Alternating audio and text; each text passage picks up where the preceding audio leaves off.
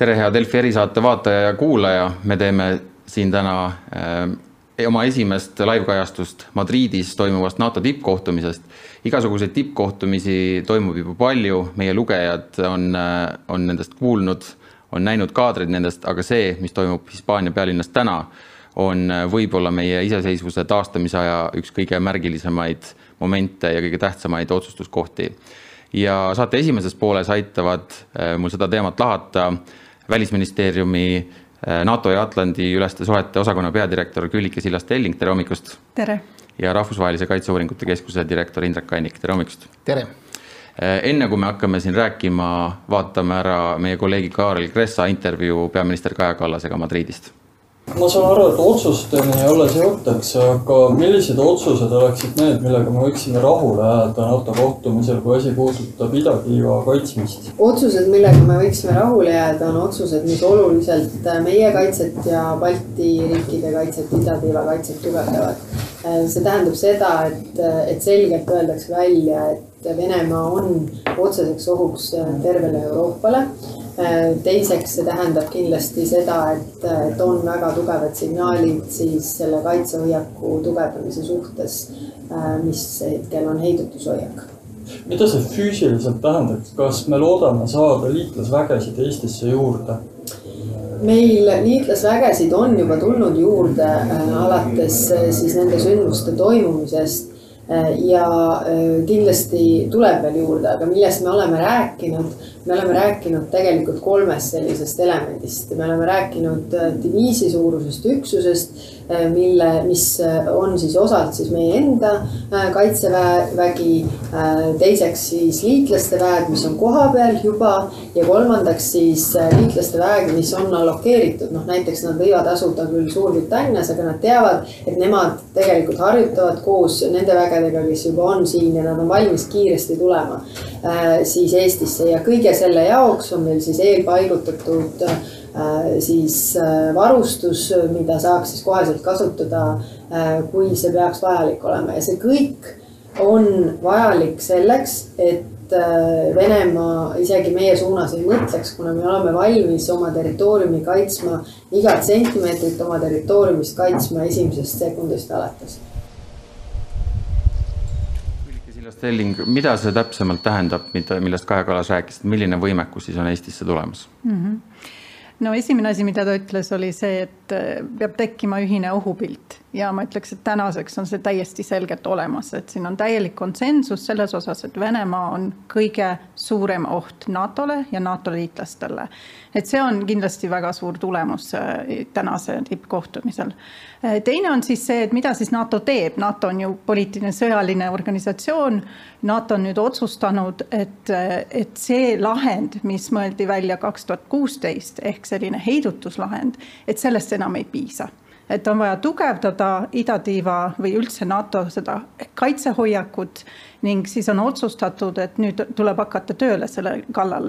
keegi ei arva, et homme tuleks Eestisse diviis või, või brigaad, aga noh, hakatakse nüüd planeerima seda tugevdust äh, Balti riikides, aga ka teistes idatiiva riikides see vist ei ole siiski see, mis meie algne eesmärk oli. kas, kas ma sain valesti aru, et me ikkagi tahtsime, et meil oleks siin kohapeal diviis kogu aeg, mitte lihtsalt, et nad tulevad mingi aja möödudes? Tegelikult on alati räägitud sellest, et, et see diviisi, diviisi struktuur peab nii-öelda tekkima, ma tean, see sõna struktuur on võib-olla selline ebamäärane ja sellest ei ole lihtne aru saada. aga kunagi ei ole mõeldud seda, et terve diviis tuleb Eestisse, me oleme ju väike riik tegelikult ja meil ei ole kuhugi isegi paigutada seda diviisi, nii nagu on rääkinud ka kindral Herem ja väga selgelt sellest. me tahame, et oleks aga nii-öelda see töö algaks, et, et hakkaksid liitlased mõtlema, me hakkaks määrataks sellised üksused, kes tulevad tuleksid siis Eestisse, tekiks ka mingi plaan, et kui midagi juhtub, kes tuleb, kust nad tulevad, kui kiiresti nad tulevad. Indrek Kannik, on see piisav meie kaitse jaoks? kui küsida, kas midagi on piisav kaitse jaoks, siis peaaegu alati võib öelda, et alati võiks rohkem. aga noh, see on väga suur samm edasi võrreldes sellest, mis on praegu, veel suurem samm edasi võrreldes sellega, mis oli kuni kahe tuhande kuueteistkümnenda aastani. et ähm, kuue aasta jooksul on see arvestatav areng see on arvestatav areng äh, lääne suhtumises Venemaasse, NATO suhtumises Venemaasse tervikuna, kuna noh, kuni päris viimase ajani konsensus selles suhtes, et Venemaa on ikkagi NATO-le kui tervikule oht, ei, ei olnud. nüüd see konsensus on tekkinud. Jah, seal on nüanssides kindlasti jätkuvalt eriarvamused, kuidas Venemasse suhtuda, et ma arvan, et Eesti, Läti, Leedu ja Poola arvamus jääb erinevaks Saksamaa ja Prantsusmaa omast teatud, teatud nüanssides, aga põhiküsimuses ollakse küll üsna üksmeelsed, üksmeelsed milline see ohu ulatus on Venemaa poolt, me teame, et nende väed on praegult seal Ukraina juures kinni, aga, aga tulevikus me räägime ka sanktsioonide poolt räsitud Venemaast, et milline on nende võimekus taastada ähm, see hulk vägesid, tehnikat, mis neil oli enne kahekümne neljandat veebruari? see nõuab kindlasti parasjagu aega, ma arvan, et see nõuab ikka aastaid aega, mitmeid aastaid aega, aga see sõltub ka nüüd osaliselt sellest, et mis on selle sõja lõplik tulemus ja millises, ma ütleksin, selles emotsionaalselt psühholoogilises meeleolus Venemaa sellest sõjast väljub. kui ta väljub äh, meeleolus, et ta ikkagi võitis selle sõja, siis sellisel juhul kindlasti Venemaa agressiivsus naabrite suhtes jääb alles ja süveneb. kui ta väljub meeleolus, et äh, ta kaotas selle sõja, siis kindlasti tekib ka Venemaal see hetk, kus nii-öelda hakatakse tegelema enesevaatlusega kas nendel lääne liidritel seal Madridis on võimalik midagi teha, et üldse Putini meeleseisundit kuidagi mõjutada või kas, kas teda huvitab see, et kui palju vägesid tuleb Baltikumi ja nii edasi? ma arvan, et äh, see huvitab kokkuvõttes Venemaa juhtkonda, see sunnib neid sealselt ümber planeerima teatud asju, samuti Soome ja Rootsi liitumine äh, NATO-ga sunnib neid ümber planeerima teatud asju ja kindlasti on lääneliidritel ikkagi jätkuvalt võimalus teha seda, et anda veel rohkem relvastust Ukrainale ja võtta ka piiranguid maha, mida, kuidas Ukraina tohib neid relvi kasutada, kas Ukraina tohib neid ka Venemaa territooriumi vastu kasutada või mitte. et anda Ukrainale võimalus nii-öelda täiemahuliseks sõjaks parima relvastusega, mida läänel praegu anda on, see oleks ka kindlasti üks asi, mis mõjutab Venemaad väga tugevalt. Soome ja Rootsi, ähm, paljude jaoks üllatav uudis tuli eile, et nädal aega tagasi olid ka paljud Eesti diplomaadid üsna pessimistlikud, et noh, et ärme Madridiks veel liiga kõrgeks neid lootusi sea, et kuidas Erdogan siis äh, ümber vendi mm? -hmm ma arvan, väga suurt rolli mängis siin NATO peasekretär Jens Stoltenberg äh, ja tema meeskond, et nad hakkasid juba mõned nädalad tagasi rääkima kõikide osapooltega ehk siis soomlastega, rootslastega, türklastega, kutsusid nad kokku ja hakkasid nii-öelda neid probleeme või murekohti koos arutama, nii et ma arvan, et väga palju eeltööd sai tehtud Äh,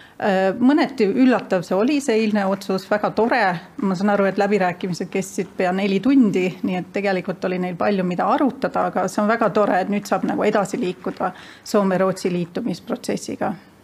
millal nad võivad liikmeks saada? Ah, seda on raske ennustada, aga vähemalt nüüd on nii kaugele jõutud, et eh, on võimalik avada nii-öelda liitumisläbirääkimised. ma ei usu, et Soome-Rootsi puhul need väga kaua kestavad, kuna noh, nad on juba niigi nii-öelda lähedal seisvad NATO-le. aga siiski see tuleb ära teha, siis tuleb allkirjastada liitumisprotokollid. nii ja siis peavad kõik liitlasriikide parlamendid need liitumisprotokollid äh, ratifitseerima. ratifitseerimine meie puhul võttis natuke üle aasta, peaaegu poolteist aastat isegi no võib-olla läheb kiiremini, mõned riigid on juba öelnud, sealhulgas ka Eesti, et tahavad väga kiiresti liikuda, aga mõnel pool lihtsalt need protsessid võtavad, võtavad aega, noh, mõned kuud ikka, nii et noh, heal juhul ma ütlen, väga optimistlik lahendus saaks olla see, et järgmise, järgmisel tippkohtumisel on Soome ja Rootsi juba liitlastena meiega ühtse laua taga. Siin me enam ei oota üllatusi, et hüppab mõni teine riik välja, kellel on kuidagi probleem see, et Soome ja Rootsi liituvad? seda ma pigem ei ootaks, suuremad riskid on jätkuvalt seotud Türgiga. et kui Türgile tundub, et eile alla kirjutatud memorandumit äh, Soome ja Rootsi poolt äh, täielikult ei, ei rakendata või ei täideta sellisel kujul, nagu Türgi seda ootaks, siis Türgi poolses ratifitseerimisprotsessis võib veel kindlasti tulla probleeme ette. noh, samas ma jätkuvalt arvan, et Türgi ei hakka blokeerima Soome ja Rootsi liitumist ja ja noh, minu jaoks ka eilne ikkagi lõppkokkuvõttes väga suur üllatus ei ole, kuna see on olnud Türgi pikaaegne läbirääkimistaktika NATO-s, et paljude asjadega jäetakse otsus üsna viimasel hetkel, seda venitatakse natuke, püütakse omale enda positsioone muudes küsimustes tugevdada, et selles mõttes see langes kõik tavalisse mängurutiini, erinevus oli ehk see, et et Türgi mängis selle nii dramaatiliselt ja nii lõpuni välja, tavaliselt ikkagi toimub see positsiooni nihe veidi varem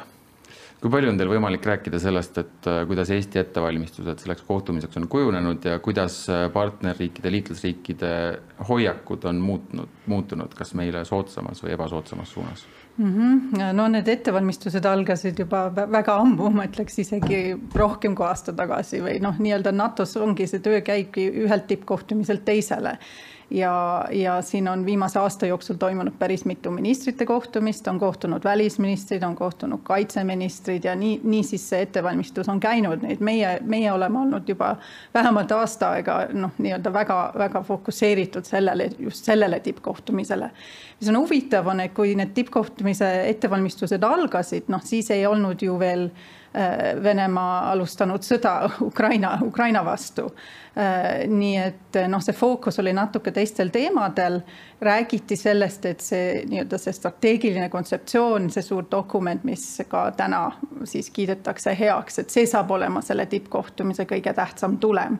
aga nüüd ma ütleks, et see, see on nagu muutunud. Et kõige tähtsam tulem on ikkagi see, et NATO muudab oma seda kaitse nii-öelda hoiakut või, või alustab vähemalt tööd selles suunas. seesama strateegiline kontseptsioon, et mis selle praktiline mõju on sellele, kuidas liitlased edaspidi käituvad, et mis, me saame, me teame, et ta on tähtis, et seal deklareeritakse tähtsaid asju, kuidas me kasutame seda? jah, et on tähtis, ta on strateegiline, ta on üks väheseid NATO dokumente, mis on ka või saab olema avalik, nii et selles mõttes on see ka huvitav. ta on oluline, kuna ta ütleb, noh, ta vaatab tulevikku, ta on selline tulevikku vaatav nii-öelda dokument, et jah, seal on alguses juttu sellest, mis on need, milline on see maailm, milles me praegu elame, milline on julgeolekuolukord olukord siis selles Euro-Atlandi piirkonnas, kus me elame. ja siis on, siis on juttu sellest, et mis on siis see, millele NATO peab keskenduma noh, lähiaastatel. Ja, ja noh, see perspektiiv praegu on võetud selline noh, keskpikk kümme aastat ette tahetakse vaadata, aga noh, kõik saavad aru, et maailm on praegu niimoodi muutumises ja asjad võivad veel muutuda, aga noh, oluline meie jaoks, et seal on väga selgelt kirjas see ikkagi see, et Venemaa on kõige suurem oht NATO-le see on väga selgelt kirjas. uue, uue elemendina on sinna toodud Hiina muidugi ja Hiina, Hiina tegevus ja kuidas see mõjutab meie kõigi julgeolekut. ja siis on see muidugi see vastus, see on, on väga selgelt kirjas see, et NATO põhiülesanne on kollektiivkaitse, kaitsta oma liitlasi kõikide ohtude eest Venemaa on meie jaoks põhiline oht, see on selge, aga mis see Hiina meie jaoks siis on mm? -hmm. no ja nüüd on, ütleme nagu ma ütlesin, et esimest korda strateegilises kontseptsioonis üldse mainitakse Hiinat, et see viimane dokument, mis võeti vastu kaks tuhat kümme, seal ei ole, seal ei ole üldsegi noh, Hiinast juttu noh, eelkõige see puudutab seda Hiina tegevust nii-öelda noh, ütleb, see ei ole otseselt sõjaline tegevus, mida, mis toimub praegu, aga noh, see Hiina nii-öelda mõju suurenemine. Äh, ja majanduslik mõju, äh, mõju igasuguses noh, niisuguses internetimaailmas ja et need, need asjad ja ka kosmoses, et see mõju võib, võib tulevikus, võib-olla mitte täna, võib-olla mitte homme, aga noh, viie-kümne aasta pärast kujuneda väga ohtlikuks meie jaoks, kuna Hiina, nagu me teame, ei jaga ühiseid väärtusi kõikide meie, meie noh, NATO, meiega, meie liitlastega. ning seega Hiina eesmärgid ei ole samad, äh, kui on NATO omad. ja seega see võib kujutada meile, meile kõigile noh, mingit ohtu tulevikus kuidas me määratleksime Hiinat sellesama Venemaa-Ukraina sõja kontekstis, kas nad on nagu noh, Venemaa selline partner? Nad on kindlasti Venemaa partner, nad ei ole tahtnud äh, seda ülemäära demonstreerida, see pani teatud määral ka Hiina diplomaatia ebamugavasse olukorda. Nad ei taha olla positsioonis, kus äh, ühelt poolt nad mõistaksid hukka Venemaa, kuna Venemaa on nende liitlane ÜRO Julgeolekunõukogus ja nende suurima vaenlase, Ameerika Ühendriikide vaenlane, see on selline mugavusabielu mõlema poolelt, teiselt poolt nad ei taha avalikult agressiooni toetada, aga noh, tegelikult on ikkagi üsna palju märke, et et ettevaatlikult küll aga Hiina Venemaad toetab, kasvõi eile tuli informatsioon sellest, et Ameerika Ühendriigid on pannud mitmed Hiina firmad, vist viis Hiina firmat sanktsioonide alla Venemaa agressiooni ja Venemaa relvajõudude toetamise eest, et jah, ütleme Hiina suured pangad, rahvusvaheliselt suurelt tegutsevad firmad ei taha avalikult Venemaad toetada, kuna nad ei taha mingil juhul sanktsioonide alla langeda. aga noh, Hiinas leidub firmasid, kelle kaudu ühte või teist venemalastele anda toetada venelasi küllalt ja küllalt, et noh, see ei ole nagu Hiina riigi jaoks tähendab probleem, et need viis firmat pandi sanktsioonide alla, tulevad järgmised viis firmat, kes seda edasi teevad mm. -hmm. meil oli vahepeal lootus, et äh, võib-olla Hiina ei hakka kokku ostma seda naftat, gaasi, kõike muud, mida nüüd sanktsioonide tõttu lääneriigid ei osta, aga nii vist pigem ei lähe. ei, ma ei tea, seda lootust vist minu arvates isegi väga ei olnud, et äh, ma arvan, et on olnud mingi lootus, et võib-olla suudetakse Indiat veenda, et äh, India ei teeks seda, aga Hiina puhul Hiina mõjutamiseks lääneriikidel on veel vähem võimalusi või sama vähe võimalusi kui Venemaa jaoks, et me peame arvestama, et nendel on ühised huvid äh, demokraatliku maailmakorralduse hävitamiseks ja, ja selles mõttes on Hiina väga problemaatiline riik, ütleme jah, meie füüsiliselt seda nii palju ei tunne loomulikult nagu Venemaa, aga me peame ka arvestama sellega, et meie NATO kõige olulisem liitlasriik, Ameerika Ühendriigid, on omakorda liitlassuhetes mitme riigiga, kelle puhul Hiina ka sõjaline oht on täiesti reaalne, Taiwan esmajärjekorras, aga ka Jaapan teatud määral. et, et noh, kaudselt võib selles mõttes ka NATO olla ühe oma liitlase kaudu sellesse konflikti, potentsiaalsesse konflikti kaasa haaratud. kas see Taiwan'i oht, kas see võib realiseeruda ka nüüd juba lähiajal? pigem on nagu analüütikute hinnangud see, et, et Venemaa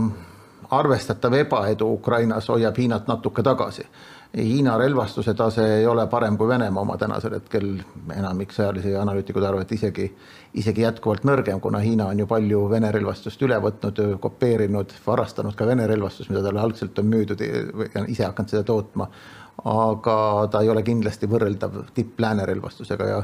ja see kindlasti paneb hiinlasi veidi mõtlema, kas, kas tasuks sõjalisele operatsioonile minna pigem ollakse arvamusel, et Venemaa ebaedu Ukrainas on Hiina potentsiaalse sõjalise rünnaku Taiwan'i vastu edasi lükanud kas me peaks Hiina vastu huvi tundma eeskätt sellepärast, et USA-le on see teema väga tähtis või me peame kunagi hakkama mõtlema sellest riigist ka nii nagu Venemaast, sellisest mhm. vahetumast sõjalisest ohust? kindlasti peame mõtlema, see, selles ma olen täiesti veendunud ja mis puutub seda tippkohtumist, siis äh, see on väga huvitav, sest esimest korda üldse vist NATO ajaloos on äh, kutsutud äh, tipptasemel osalema ka Jaapan, Austraalia, Uus-Meremaa ja Lõuna-Korea ehk need Aasia, NATO nii-öelda Aasia partnerid on tipptasemel siis kohal Äh, nendega toimub ka täna pärastlõunal selline pikem kohtumine, kus siis arutatakse läbi ka need olukordi ja see, see toob ka no nii-öelda selle globaalse nii-öelda pildi sinna juurde, et jah, me räägime Venemaast, me räägime Euroopa kaitsest, aga tegelikult on, on see pilt palju laiem ja nagu Indrek ütles, Ameerika Ühendriikide jaoks on see muidugi väga oluline. Jah ma ütleks ka veel nii palju kommentaariks, et ma ei arva, et me niimoodi kümne aasta perspektiivis, millest näiteks uus strateegiline kontseptsioon räägib, peaksime Euroopas arvestama Hiina sõjalise ohuga. aga Hiina igal, igal muul moel majanduslike eh, ekspansiooniga, ka kogu sellise mõttemaailma ekspansiooniga üritab kindlasti eh, Euroopas oma mõju tugevdada. Hiina on muutunud alates Xi Jinpingi võimuletulekust palju agressiivsemaks ja ma arvan, on lõiganud tegelikult endale sellega näppu. et niikaua, kuni Hiina edenes vaikselt ja rahulikult Euroopas, ei tekkinud ka sellist vastureaktsiooni, praegu on see vastureaktsioon selgelt tekkinud. et näeme kasvõi Eesti peal no, oli see ütleme kümme aastat tagasi ma arvan, et Huawei oleks saanud siia 5G turule ilusti sisse, täna enam mm -hmm. see ei juhtunud mm. -hmm. tahtsin lihtsalt lisada veel seda, et äh, veebruari algul, kui toimus kohtumine äh, presidentide Putini ja Xi vahel, nad võtsid vastu deklaratsiooni,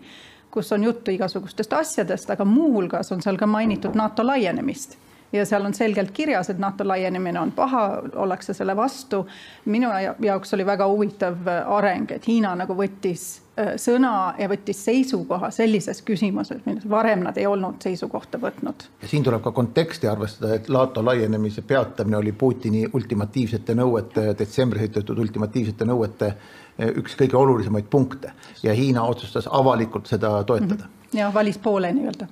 kas Putinil pole see mitte natukene õnnestunud, Ukraina sai noh, kui me vaatame kolme kuu taha natukene ootamatult Euroopa Liidu kandidaatriigiks, arvestades, et mis meie lootused siis olid mm. -hmm. aga see nüüd juba neliteist aastat kestnud NATO liikmelisuse perspektiiv ei ole mitte kuhugi liikuma, liikumas perspektiiv on tõepoolest olnud juba pikalt laual nii-öelda Bukaresti tippkohtumisel, siis kaks tuhat kaheksa otsustati, et eh, Ukraina ja Gruusia saavad NATO liikmeteks, aga ei otsustatud neile anda see nii-öelda liik-, liikmelisuse kava või, või plaan, kuidas nad oleksid sinna jõudnud. Eh, aga ma pean ütlema, et nende aastate jooksul on ka Ukraina ise saatnud natuke erinevaid signaale, et vahepeal nad ei olnud nii väga huvitatud. kas see ei olegi osa sellest samast Putini no, jah, võib-olla, eh, aga noh, täna me oleme jõudnud sinnamaale, et äh, täna just hommikul, täna hommikul äh, president Zelinski ka nii-öelda osaleb tippkohtumisel küll virtuaalselt, aga on kutsutud ta siis kõneleb NATO liidritega ja, ja noh, liitumisperspektiiv, nad räägivad endiselt sellest. Eesti seisukoht on olnud selles küsimuses algusest peale väga selge, meie oleme alati toetanud Ukraina ühinemist NATO-ga ja me tahaksime selles küsimuses muidugi edasi liikuda, aga see peab olema nende enda ka noh, soov ja palve, nad peavad seda väga selgelt ka, ka välja ütlema. Praeguses olukorras ma arvan, et nad noh, keskenduvad eelkõige omaenda eksistentsi nii-öelda kaitsmisele, nii et. jah no mina seda palli siiski ukrainlaste poolele ei veeretaks mm. antud juhul, et me teame, mille taha see perspektiiv on jäänud, see on eelkõige jäänud kahe Euroopa suurriigi, Saksamaa ja Prantsusmaa ühese vastuseisu taha. ja juba Bukaresti tippkohtumisel need kaks riiki esmajoones Saksamaa blokeerisid selle liikmuse tegevuskava andmise Ukrainale ja, ja Gruusiale. ja noh, kui Ukraina puhul ütleme tõesti Janukovitši ajal oli see, kus olukord oli ambivalentne, siis Gruusia puhul pole seda olnud, kõik Gruusia valitsused, ükskõik mida me neist ei arvaks, on selgelt öelnud, et me oleme jätkuvalt, tahame saada NATO liikmesriigiks, aga seda pole andnud äh, NATO valmis neile vastu tulema olnud. ja ma arvan, et siin me teeme ikkagi praegu jätkuvalt suure vea, kui me seda ei anna, sellepärast et um, Ukraina on täna näidanud, et ta suudab, algne hirm oli ju selles, et mis siis saab, kui Venemaa neid ründab, me peame neid kaitsma minema, umbes kui lihtsustatult öelda. täna me näeme, et nad suudavad ennast üsnagi edukalt ise kaitsta ja kui meie nagu täielik moraalne ja materiaalne toetus oleks neil taga NATO-le, NATO-na, siis nad suudaksid seda veel paremini teha mm. -hmm. mis on see muu viis, kuidas saab NATO toetada Ukrainat, kas on Madridist oodata midagi, liitlased teevad üldjuhul üksi asju viimasel ajal sellel mm -hmm. teemal? ja nii ta on, et tegelikult liitlased on, on nii-öelda üksi kahepoolselt andnud väga palju abi, väga palju sõjalist abi ja toetust Ukrainale. NATO kui organisatsioon on võib-olla olnud selline tagasihoidlikum nii-öelda, aga kavas on siis, nagu ma ütlesin, Madridis esiteks on, on nii-öelda see poliitiline pool, kohtumine Zelinskiga, tugev, väga tugev toetus Ukrainale nii-öelda poliitiline, moraalne toetus, aga teisalt võetakse ka vastu selline noh, pakett mingeid toetusmeetmeid, mis on eelkõige suunatud sellele, et, et kui noh, kui sõda lõpeb, aga ka juba, juba praegu aidata Ukrainat üha rohkem oma nii-öelda kaitse, kaitsevõime tõstmisel, sellisel väljaõppel. muidugi siin on, tuleb arvestada ka seda, et ma arvan, et Ukrainal on väga suur kogemus praegu, et, et noh, omaette küsimus on, kui palju saab nagu neid nii-öelda toetada, aga kindlasti tuleb jätkata seda tööd, mida tegelikult NATO alustas juba mitu-mitu aastat tagasi, aitas Ukrainal oma seda kaitse, kaitse, kaitseväge reformida, nii et kõik see, see töö läheb, läheb kindlasti edasi. See, et relvastusabi ei anta NATO kaudu, on olnud teadlik valik, kuna noh, konsensuse saavutamine, nagu me nägime kasvõi Soome ja Rootsi küsimuses, võib olla NATO-s keeruline, et on algatatud nii-öelda Rammsteini protsess, mida USA veab, kus saavad vabatahtlikult kõik riigid, kes tahavad, lisaks ka mitte NATO-sse kuuluvad riigid osaleda. ja see on, ma arvan, kõige parem meetod praegu selle relvaabi koordineerimiseks. kui see käiks NATO kaudu, oleks see palju vähem paindlikum ja vähem efektiivne, et selles mõttes ma arvan, on leitud hea lahendus selle teema jaoks mm. -hmm jah, ja ma tahtsin ka öelda lihtsalt seda, et, et ka selles strateegilises kontseptsioonis on muidugi ka Ukrainale pühendatud päris palju nii-öelda teksti ja, ja, ja see on olnud ka meie kindel soov, et Ukrainat tuleb pidada nii-öelda mitte ainult partnerina, aga väga olulise noh, riigina ja. ja teine asi, ma tahtsin ka öelda seda, et see eh, Bukaresti tippkohtumise otsused, et need on ka siiski mainitud selles strateegilises kontseptsioonis ning see kogu see NATO nii-öelda laienemise poliitika ehk avatud uste poliitika on väga selgelt seal esile toodud, et see läheb edasi. et NATO ei hakka oma poliitikat muutma lihtsalt sellepärast, et tõesti Putin või, või keegi on öelnud, et see on paha ja me ei ole sellega nõus nii et need, need poliitilised nii-öelda otsused ja, ja lubadused vähemalt on, on seal selles dokumendis väga kenasti kirjas mida me selle sõja kulgemise mõttes sellel suvel oodata võime? no ma ei usu, et väga kiireid lahengud la,, lahendusi oleks tulemas, et ähm, praegused märgid näitavad, et äh, Venemaa suudab massiivse hävitustöö ja suurtükitule abil küll üsna kitsal lõigul äh, Severodonetsk ja selle vahetu ümbrus siiski aeglaselt, aga edasi liikuda. et noh, see liikumine on tõesti väga aeglane, mõni kilomeeter nädalas keskmiselt nii-öelda ja üsna kitsal lõigul Ukraina suudab üsna hästi kaitsta, aga mm, kas ja millal Ukraina suudab vasturünnakule minna, selleks mul ei ole piisavalt infot, et hinnata, kui palju relvastust nad on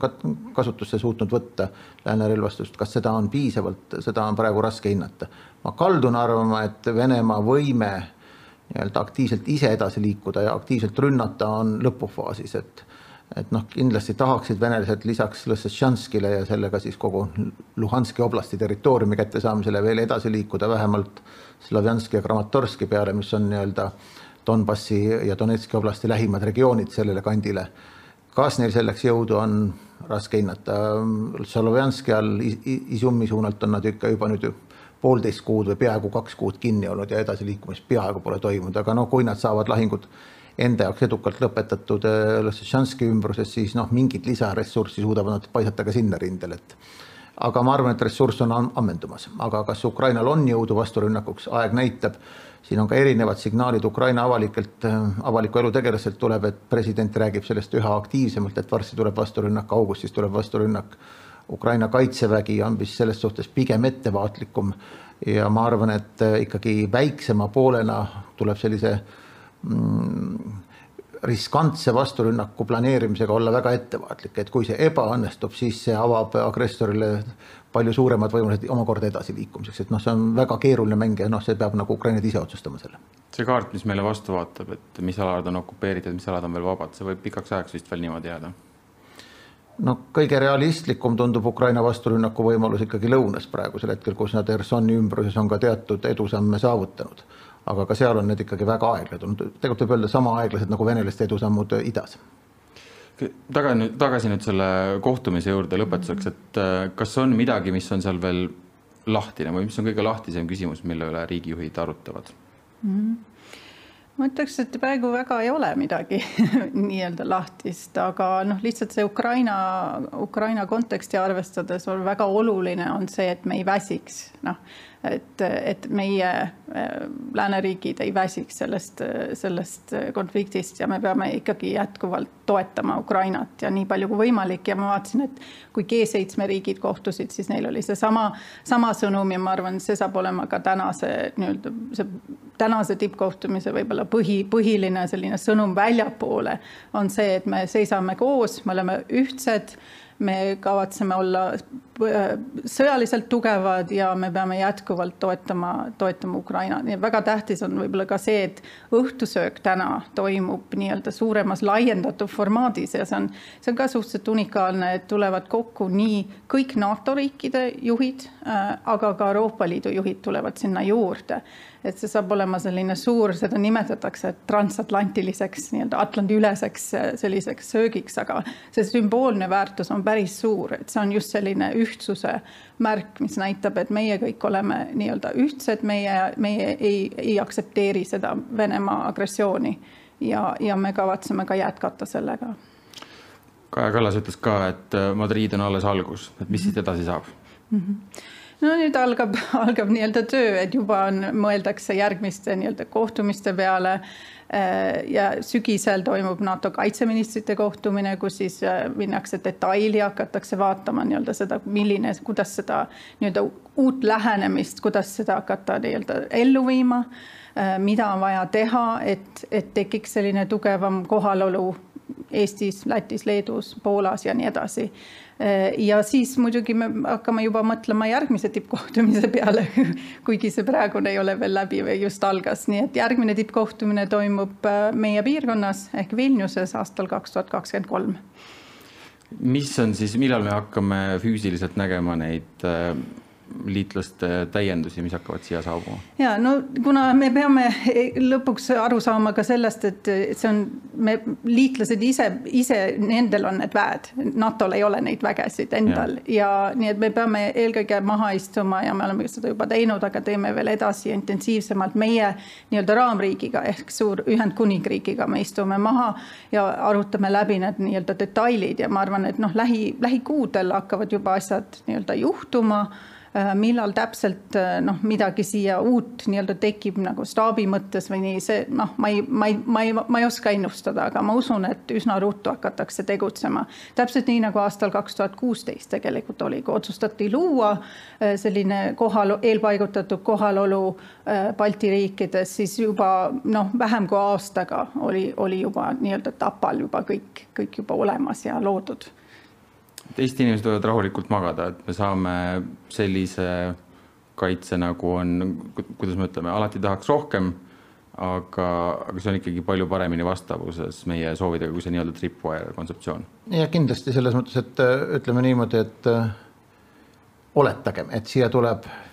lisaks Eesti enda üksustele umbes brigaadi jagu liitlaste üksusi, mis on kõige tõenäolisem oletus, siis see on väga palju rohkem kui, kui pataljon kokkuvõttes ja mis siin oli kuni selle sõja alguseni, selle faasi alguseni, see on oluliselt rohkem ja, ja kui, kui sellega kaasneb ka kindel kokkulepitud mehhanism, mis üksused tulevad lisaks ohu tekkimise korral ja kui ruttu nad jõuavad, et see ei oleks sada kaheksakümmend päeva, vaid et see oleks kolm päeva näiteks kohale, siis siin on väga suur ja positiivne vahe selles mõttes. üks moment veel, et kui, kui olla küüniline, siis peab ütlema, et meil oli õnne, et Madridi tippkohtumine toimub juunis, mitte, mitte jaanuaris. Kui strateegiline kontseptsioon oleks vastu võetud jaanuaris, siis ta kaugeltki nii hea ei tuleks, nagu ta, nagu ta praegu tuleb meie vaatevinklist mm. -hmm ja siis oleks seda väga raske kohe muutma hakata olnud mm. -hmm. selge, äh, meiega liituvad õige pea Urmas Reinsalu ja Lauri Läänemets, aga enne seda ütleme aitäh Küllike Sillas-Telling ja Indrek Kannik mm. -hmm. praegult äh, ühendume Madriidi, kus on Delfi Eesti Päevalehe välistoimetuse juhi kohusetäitja Kaarel Kressa. tere, Kaarel, kas sa kuuled meid? kuulan teid hästi no kirjelda natukene, milline see õhustik seal on, kui palju on inimesi, ajakirjanikke, mis sinu ümber toimub? inimesi on ohtralt, aga tuleb märkida, et see on esimene tippkohtumine, mida ma olen näinud, kus ruumi on rohkem kui ajakirjanikke. suur tänu! see asi on väga hästi korraldatud. Ja ja millised need meeleolud seal, seal praegult on, et kas, kas on oodata mingisuguseid uusi selliseid läbimurdeid, nagu oli seoses Soome ja Rootsi positiivse uudisega, et Türgi on, on loobumas oma vastuseisust, et mis, mis seal nagu peateema praegu on?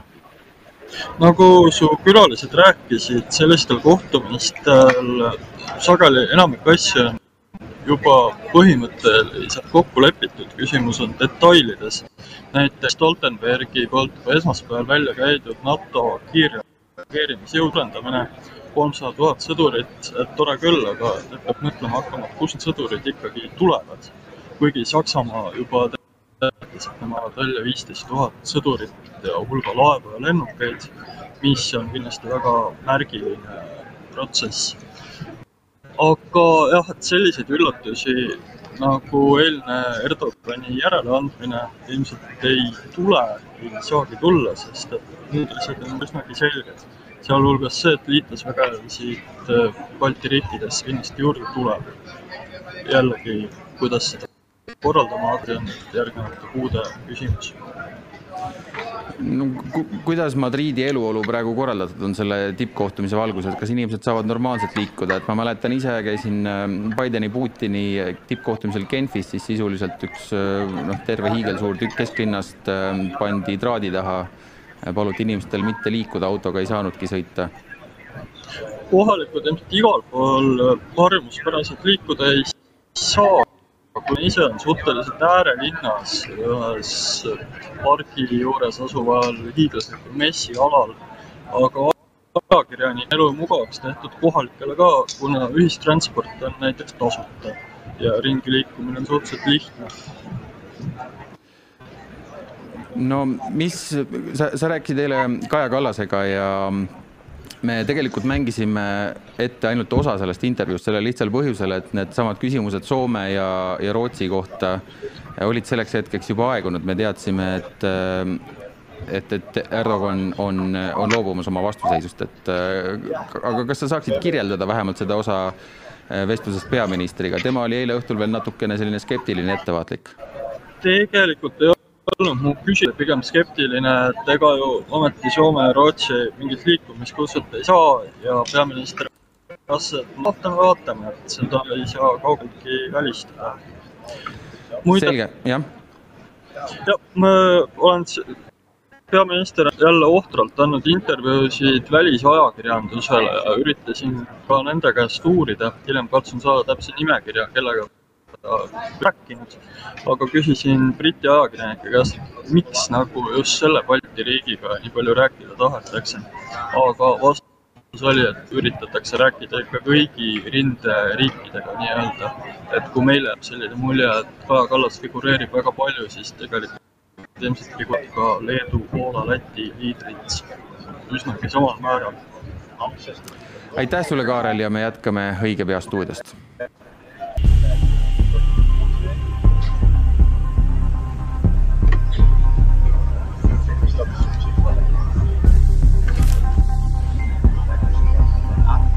kahe tuhande seitsmeteistkümnendal aastal saatis NATO Eestisse tuhat kakssada sõdurit. enamik neist on Suurbritanniast, lisaks viibivad kohapeal roteeruvalt Prantsusmaa ja Taani sõdurid. tänavu veebruaris teatas Suurbritannia, et saadab Eestisse umbes kaheksasada viiskümmend sõdurit lisaks. Prantsusmaa saatis omakorda üle kahesaja. see teeb eelpaigutatud jõudude suuruseks kokku üle kahe tuhande kahesaja lisaks tegutseb Eestis ja Leedus Balti õhuturbemissioon, mille üks lennusalkadest asub Ämaris. praegu teenib seal roteeruvalt neli Prantsusmaa lennukit Mirage kaks tuhat.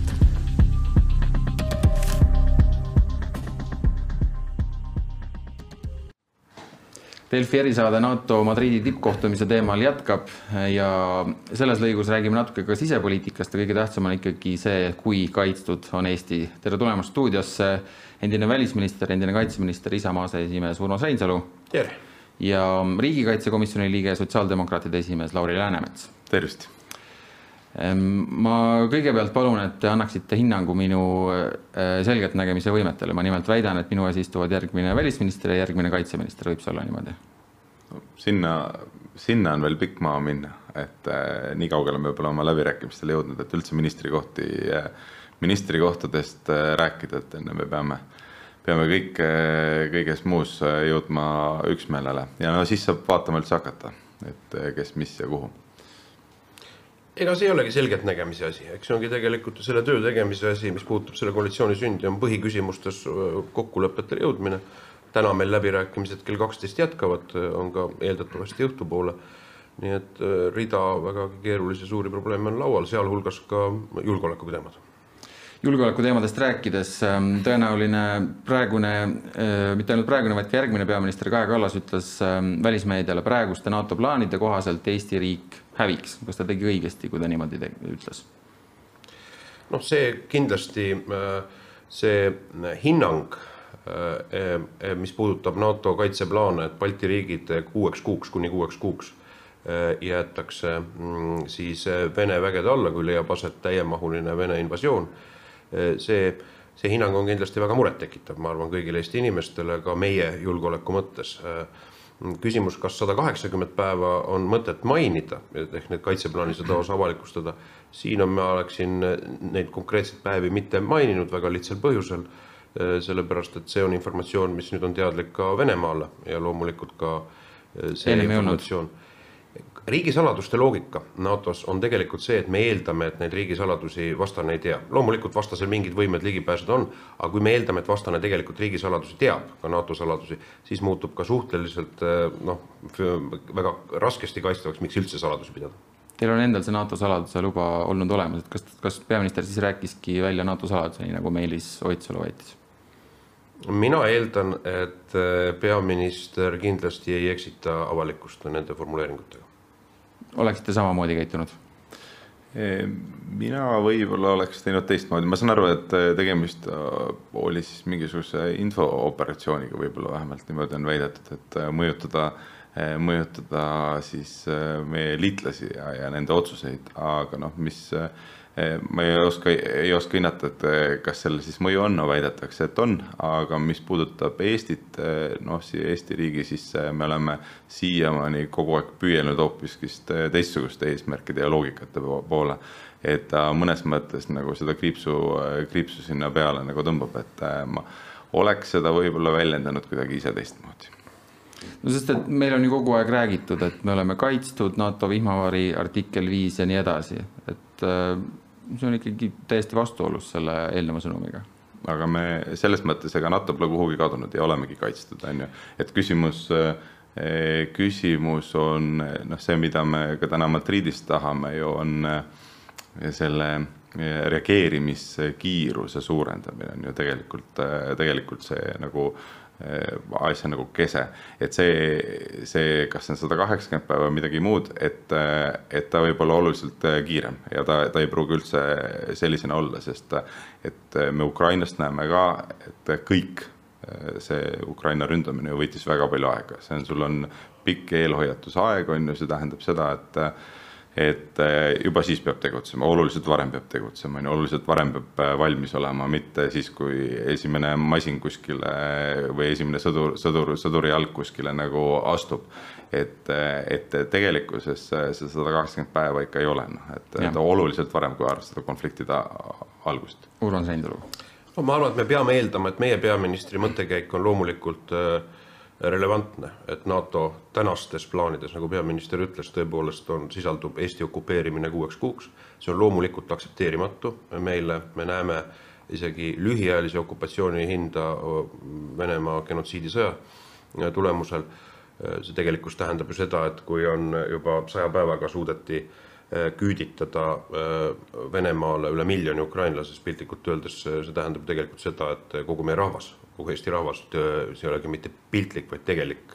võimekus Venemaal on ära küüditada ja võtta pantvangi selle võimaliku sõjalise invasiooni käigus. ja nüüd on oluline NATO tulemused tippkohtumisel ma arvan, et peaministri sõnade valguses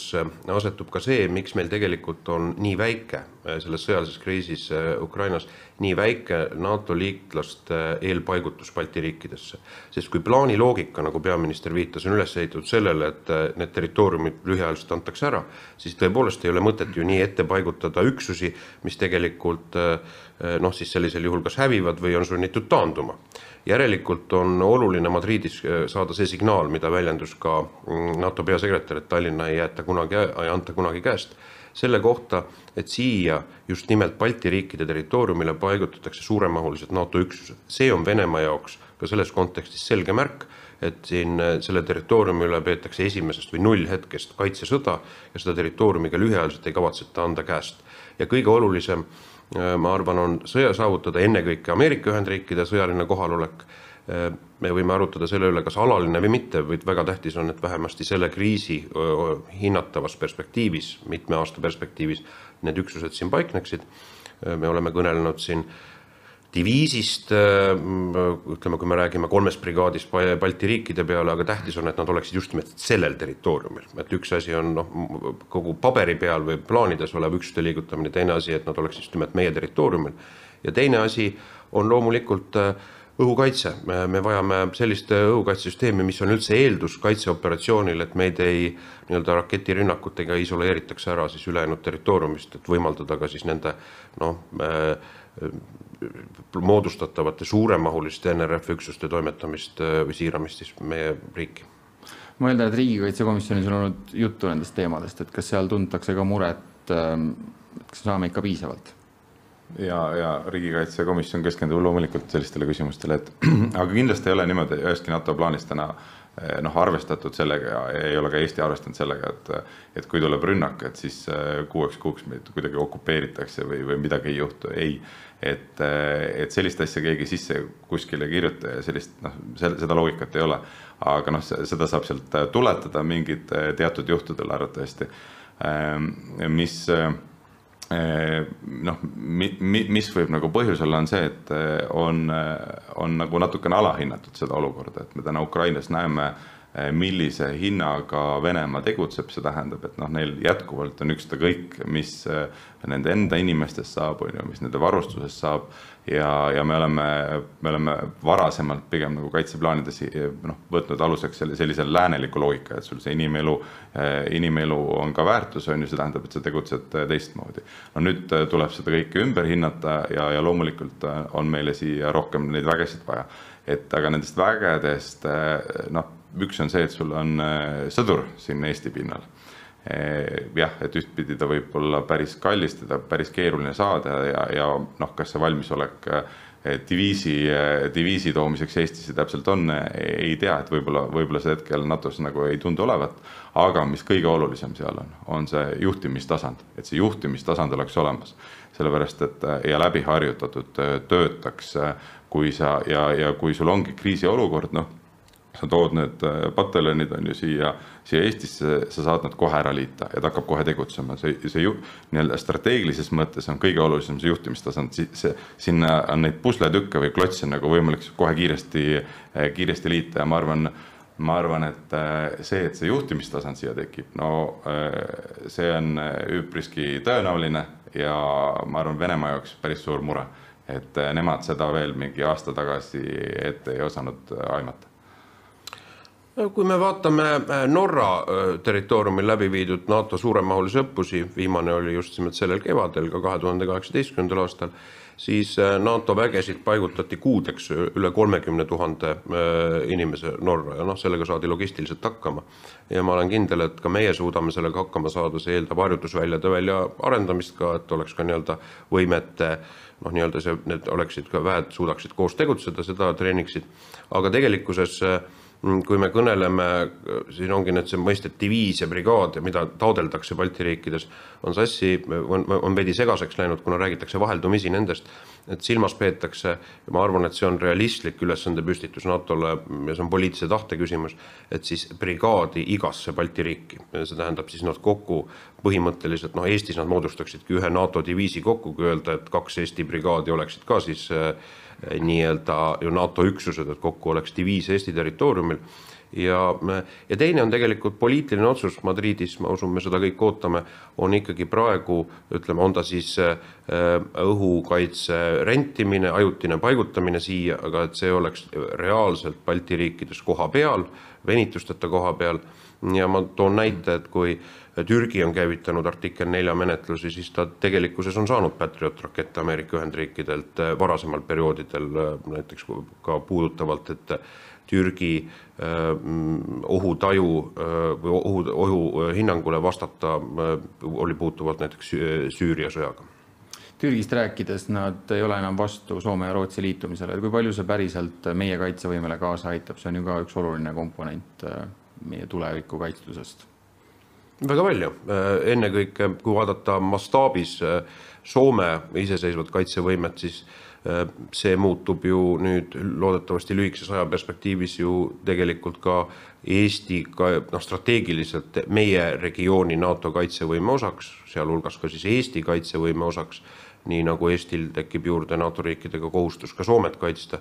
ja, ja kindlasti see jõudude tasakaalu meie regioonis äh, oluliselt muudab, sest täna me oleme olulises äh, vägede defitsiidis äh, meie regioonis noh, pikemas vaates, lühiajalises vaates mitte, kuna lihtsalt Venemaa on oma väed praegu, võitlusvõimelised väed nii suures hulgas kuhjanud Ukrainasse või Ukraina piiridele. aga veel Türgist tegelikult ka liitlastest nagu Poola, kes on meile veel tähtsam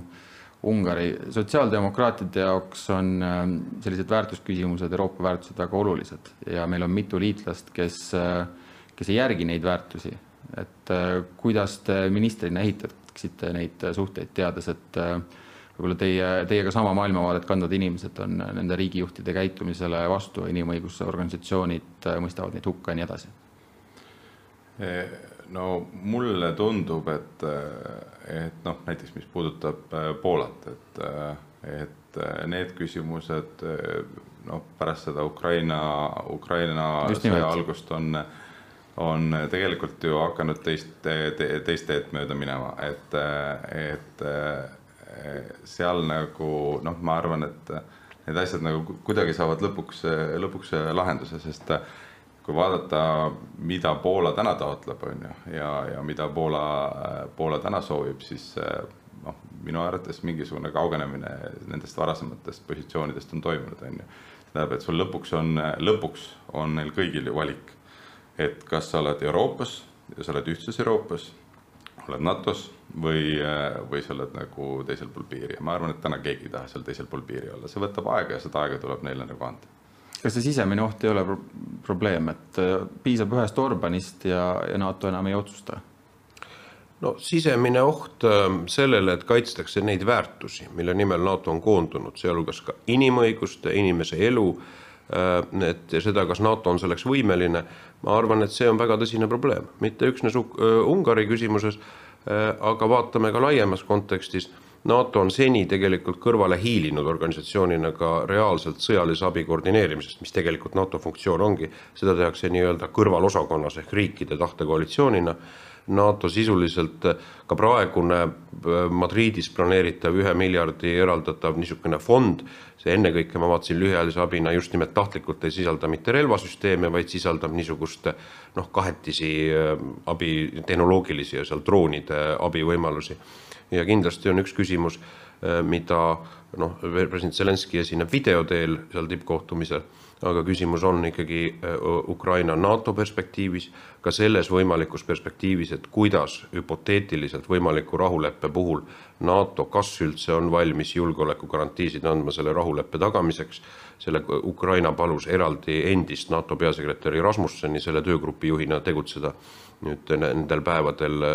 ja, ja kolmas on väga oluline asi, millest ma vaatan kuidagi ei ole ükski NATO liikmesriik minu hinnangul vist võtnud avalikult jutuks, aga teema tegelikult on ju laual, on küsimus nüüd ja see on väga oluline väärtuste küsimus ja humanitaarküsimus, mis puudutab viljatranspordikriisi Ukrainas. see tähendab tegelikkuses seda, et ka NATO võimalikku missiooni laevade turvamiseks, selleks et kaubalaevad saaksid läbi Bosporuse liikuda ja mis sõjalisest logistilise operatsioonina oleks kindlasti palju lihtsamini teostatav hüpoteetiliselt kui näiteks äh, noh, kui oleme kõnelenud siin äh, õhukaitsest äh, NATO poolt. Teil võimuläbirääkimistel oli julgeoleku teema selline üks igavamatest, mulle tundub, kuigi ta on päevakorral kõige rohkem, et kas on uuelt koalitsioonilt, kui see sünnib, oodata mingisuguseid uudiseid, muudatusi? täna me jõuame uuesti nende julgeolekuteemadeni tagasi, et äh, eks me siis räägime ja siis, siis konkreetsemalt selgub aga noh, mulle tundub, et seal laua taga on äh, soov olla ambitsioonikam, kui oli Eesti eelmine nagu valitsus, et äh, eks me selle poole püüdleme, et Urmas siin äh, mainis, mainis ka osasid asju, on ju, et mis puudutab nagu õhku, ega selle, selle õhu osas on ju noh, oluline aru saada, et ta nagu pole nagu mitte ainult Eesti küsimus, vaid tegelikult, tegelikult ongi laiemalt NATO küsimus ja ta ongi selle reageerimisvõimekuse küsimus sest Eestisse on võimalik tulla appi kolme moodi, on ju, mööda maad, see on see Suwalki äh, probleem, mööda merd ja mööda õhku, on ju. ja täpselt sama oluline kui Eesti jaoks, minu arvates on NATO jaoks ka see, et meil see mull oleks loodud siia Eesti kohale, et kus kohas äh, liit-, liitlased nagu maanduda saavad, õhku tõusta saavad ja, ja, ja liikuda saavad. ja nüüd, mida võib-olla eelmine valitsus äh, riigikaitse Eh, küsimusi arutades ja, ja neid investeeringuid otsustades ei teinud, aga mida kindlasti peab tegema, on, on siis kõik, mis puudutavad siin, siinseid tegevväelasi.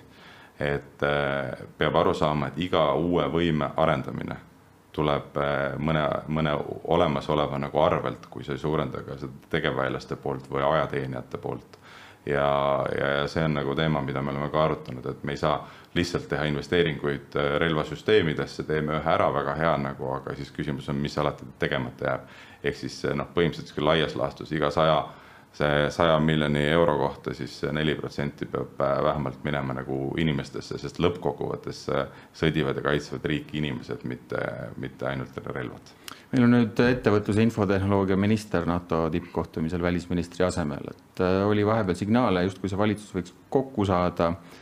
Reformierakonnast, ka sotsidest tuli optimismi, et võib-olla saab juba enne jaanipäeva valmis, et mis siis juhtus, et nüüd räägitakse, et võib-olla selle nädala lõpus, kas siis isegi? No sellega on nii, et kui kokkulepet veel ei ole saavutatud, siis, äh, siis ei saa seda valitsust kokku panna, et ma arvan, et see on normaalne läbirääkimiste protsess ja räägitaksegi läbi seni, kuni on äh, jõutud üksmeelele, leitud lahendused. ma arvan, üks põhjus äh, selleks, miks aega läheb rohkem, on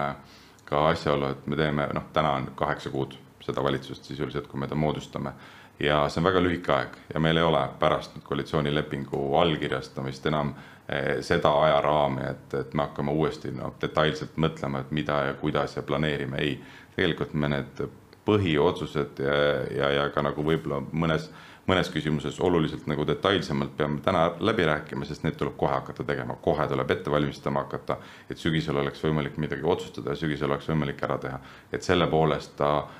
ma arvan, erineb äh, varasematest erinevatest koalitsiooniläbirääkimistest, et see ajaraam on lühike ja me peamegi olema oluliselt sisulisemad. mis muideks ei ole halb, vaid on hoopis hea. räägitakse, et Isamaa on kuidagi jäigemaks muutunud.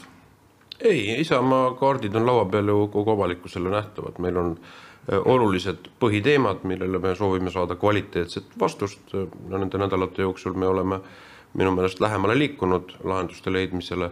aga mm, lõpptulemus selgub siis, aga praegu seda nii-öelda kriitilist raskuskeset veel saavutanud ei ole.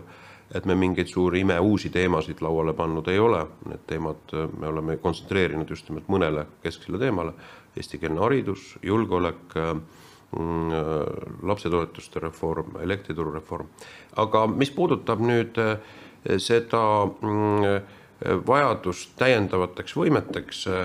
esiteks eh, on oluline meil lünkade täitmine meie tehnoloogilises luurevõimekuses. sellepärast, et see on elu ja surma küsimus, millal me saame teada Venemaa võimalikest plaanidest ja üksuste liikumisest. seda võimekust kindlasti peame tõstma, seda märkis ka Kaitseväe juhataja, kui ta meil